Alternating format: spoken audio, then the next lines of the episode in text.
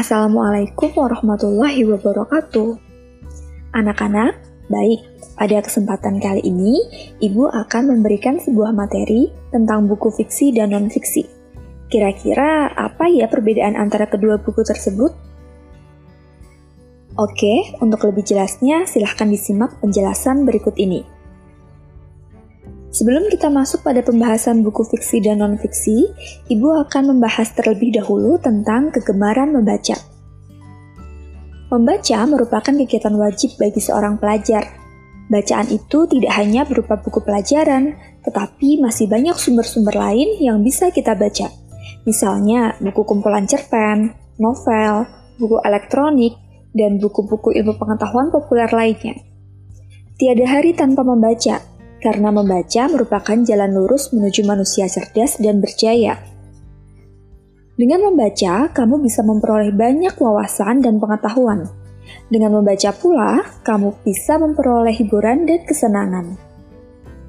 Baik, kali ini kita akan masuk pada pembahasan mengenai buku fiksi dan non-fiksi. Buku bacaan dapat dibagi ke dalam dua jenis, yaitu buku fiksi dan non-fiksi. Apa sih kira-kira perbedaan antara buku fiksi dan non-fiksi? Oke, penjelasan akan dimulai dari buku fiksi terlebih dahulu. Buku fiksi ditulis berdasarkan imajinasi pengarang dan bersifat fiktif. Kemudian, fiksi dapat berbentuk cerita pendek atau cerpen, novel, cerita bersambung, dongeng, dan cerita anak. Buku fiksi dipengaruhi oleh subjektivitas atau sudut pandang pengarang.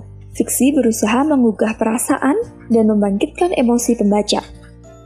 Bahasa karangan yang digunakan dalam buku fiksi dapat bersifat konotatif atau bermakna tidak sebenarnya dan denotatif atau bermakna sebenarnya, dan sangat mungkin menimbulkan tafsiran yang beragam. Baik, sekarang kita lanjut pada pembahasan karangan atau buku non-fiksi. Buku non-fiksi dibuat berdasarkan fakta, realitas, atau hal-hal yang benar-benar terjadi dalam kehidupan sehari-hari.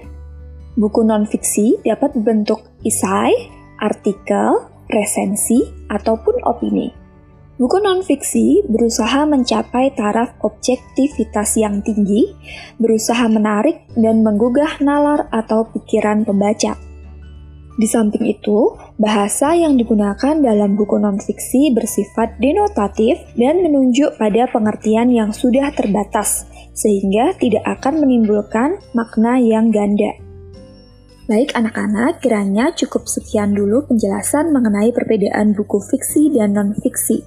Semoga dapat bermanfaat. Wassalamualaikum warahmatullahi wabarakatuh.